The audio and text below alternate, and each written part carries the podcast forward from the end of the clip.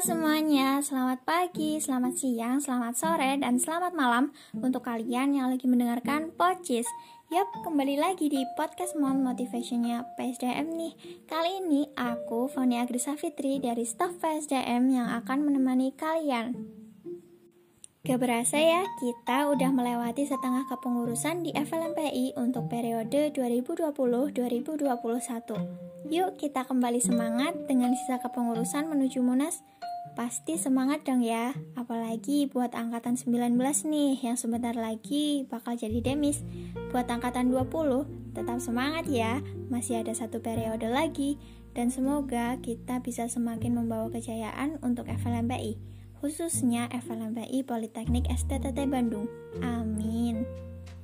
Oh iya, sebentar lagi kita mahasiswa Politeknik STTT Bandung akan memasuki semester ganjil loh Tepatnya di tanggal 6 September.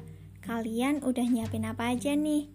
Sebelumnya buat angkatan 19, semangat ya. Sebentar lagi kalian akan melaksanakan kerja industri.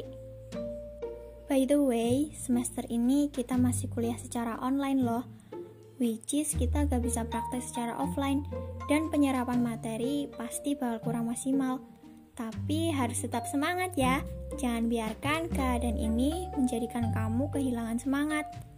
Nah, aku ada sedikit tips nih untuk kalian biar belajarnya lebih maksimal walaupun masih kuliah online. Langsung aja kuy. Yang pertama, membuat jadwal kuliah online. Walaupun online, kalian harus tetap bikin jadwal ya buat reminder diri sendiri. Kalau bisa hafal cepet sih, nggak masalah. Atau mungkin kalau kalian males ngebuat, bisa nih minta ke teman kalian. Pasti tiap kelas selalu ada aja kok orang yang rajin nulis jadwal kuliah. Intinya, kalian jangan sampai ada deh drama perkuliahan kayak salah jadwal atau salah masuk kelas. Yang kedua, gadget, kuota, dan sinyal. Gak bisa dipungkiri kalau kuliah online gak akan lepas dari gadget, kuota, dan sinyal. Sebelum kuliah, pastikan baterai laptop dan handphone kamu terisi penuh dan tentunya harus ada kuota ya. Buat sinyal memang kadang tergantung dari daerah tempat tinggal. Jadi semangat ya untuk kalian para pencari sinyal. Yang ketiga, cari ruangan yang membuat kalian nyaman belajar. Kita perlu belajar dengan posisi nyaman loh. Misal, di ruangan belajar, di ruang tamu, atau di mana pun deh yang membuat suasana belajar kalian nyaman. Jangan di tempat tidur ya, nanti malah ketiduran. Yang keempat, catat materi.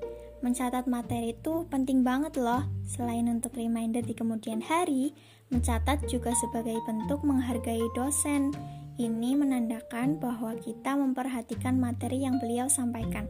Apalagi kalau kita juga banyak tanya, dosen bakalan seneng kok karena suasana kelas jadi aktif.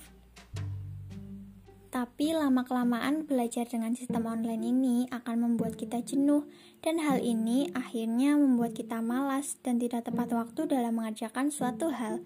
Nah, aku punya nih sedikit saran untuk memulihkan kedisiplinan kamu dan menghilangkan sedikit rasa jenuh saat belajar online.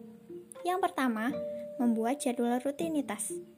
Kamu bisa membuat jadwal harian supaya kamu tetap disiplin waktu. Jadi, kamu harus nentuin nih kapan bangun tidur, kapan tidur, belajar, santai, olahraga, main, dan lain-lain. Kalau kamu sedang dalam keadaan tertekan atau banyak pikiran, kamu bisa memperbanyak kegiatan fisik supaya pikiran kamu kembali fresh.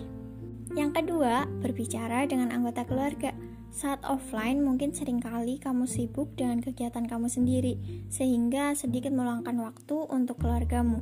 Nah, dengan keadaan seperti ini, mau gak mau lebih banyak waktu di rumah kan? Hal ini bisa kamu ambil positifnya loh, karena kamu bakal lebih sering berkomunikasi sama orang tua, sehingga kamu bisa lebih mengenal nih satu sama lain. Yang ketiga, menjalankan hobi. Mungkin saat belajar online kayak sekarang ini, kamu punya lebih banyak waktu untuk diri kamu sendiri. Hal ini bisa kamu manfaatkan untuk melakukan hobi kamu. Dengan begitu, bakat lain yang ada di diri kamu juga dapat berkembang, dan hal ini juga dapat menghilangkan rasa jenuh kamu saat belajar online kayak sekarang. Yang keempat, dengerin musik. Musik tuh salah satu cara buat menghilangkan rasa jenuh juga loh. Soalnya kalau dengerin musik, kamu juga bisa lebih tenang, rileks, dan biasanya mood suka balik lagi jadi bagus. Saran dari aku, dengerin musik sama lihat MV-nya, biar agak terhibur ya. Apalagi yang suka K-pop. Tolong ya, lihat opa-opa kalian biar mata kalian segar, oke? Okay? Yang kelima, nonton. Nah, tips yang terakhir ketika jenuh, nonton aja guys mau itu film, drama, TikTok, YouTube, atau yang lain deh yang bisa naikin mood kamu.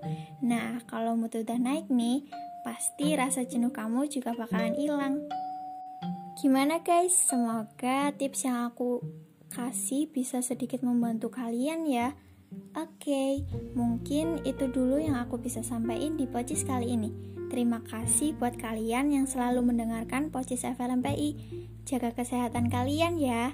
Semangat baru buat semester baru. Aku pamit undur diri dan jangan lupa senyum hari ini. Bye bye.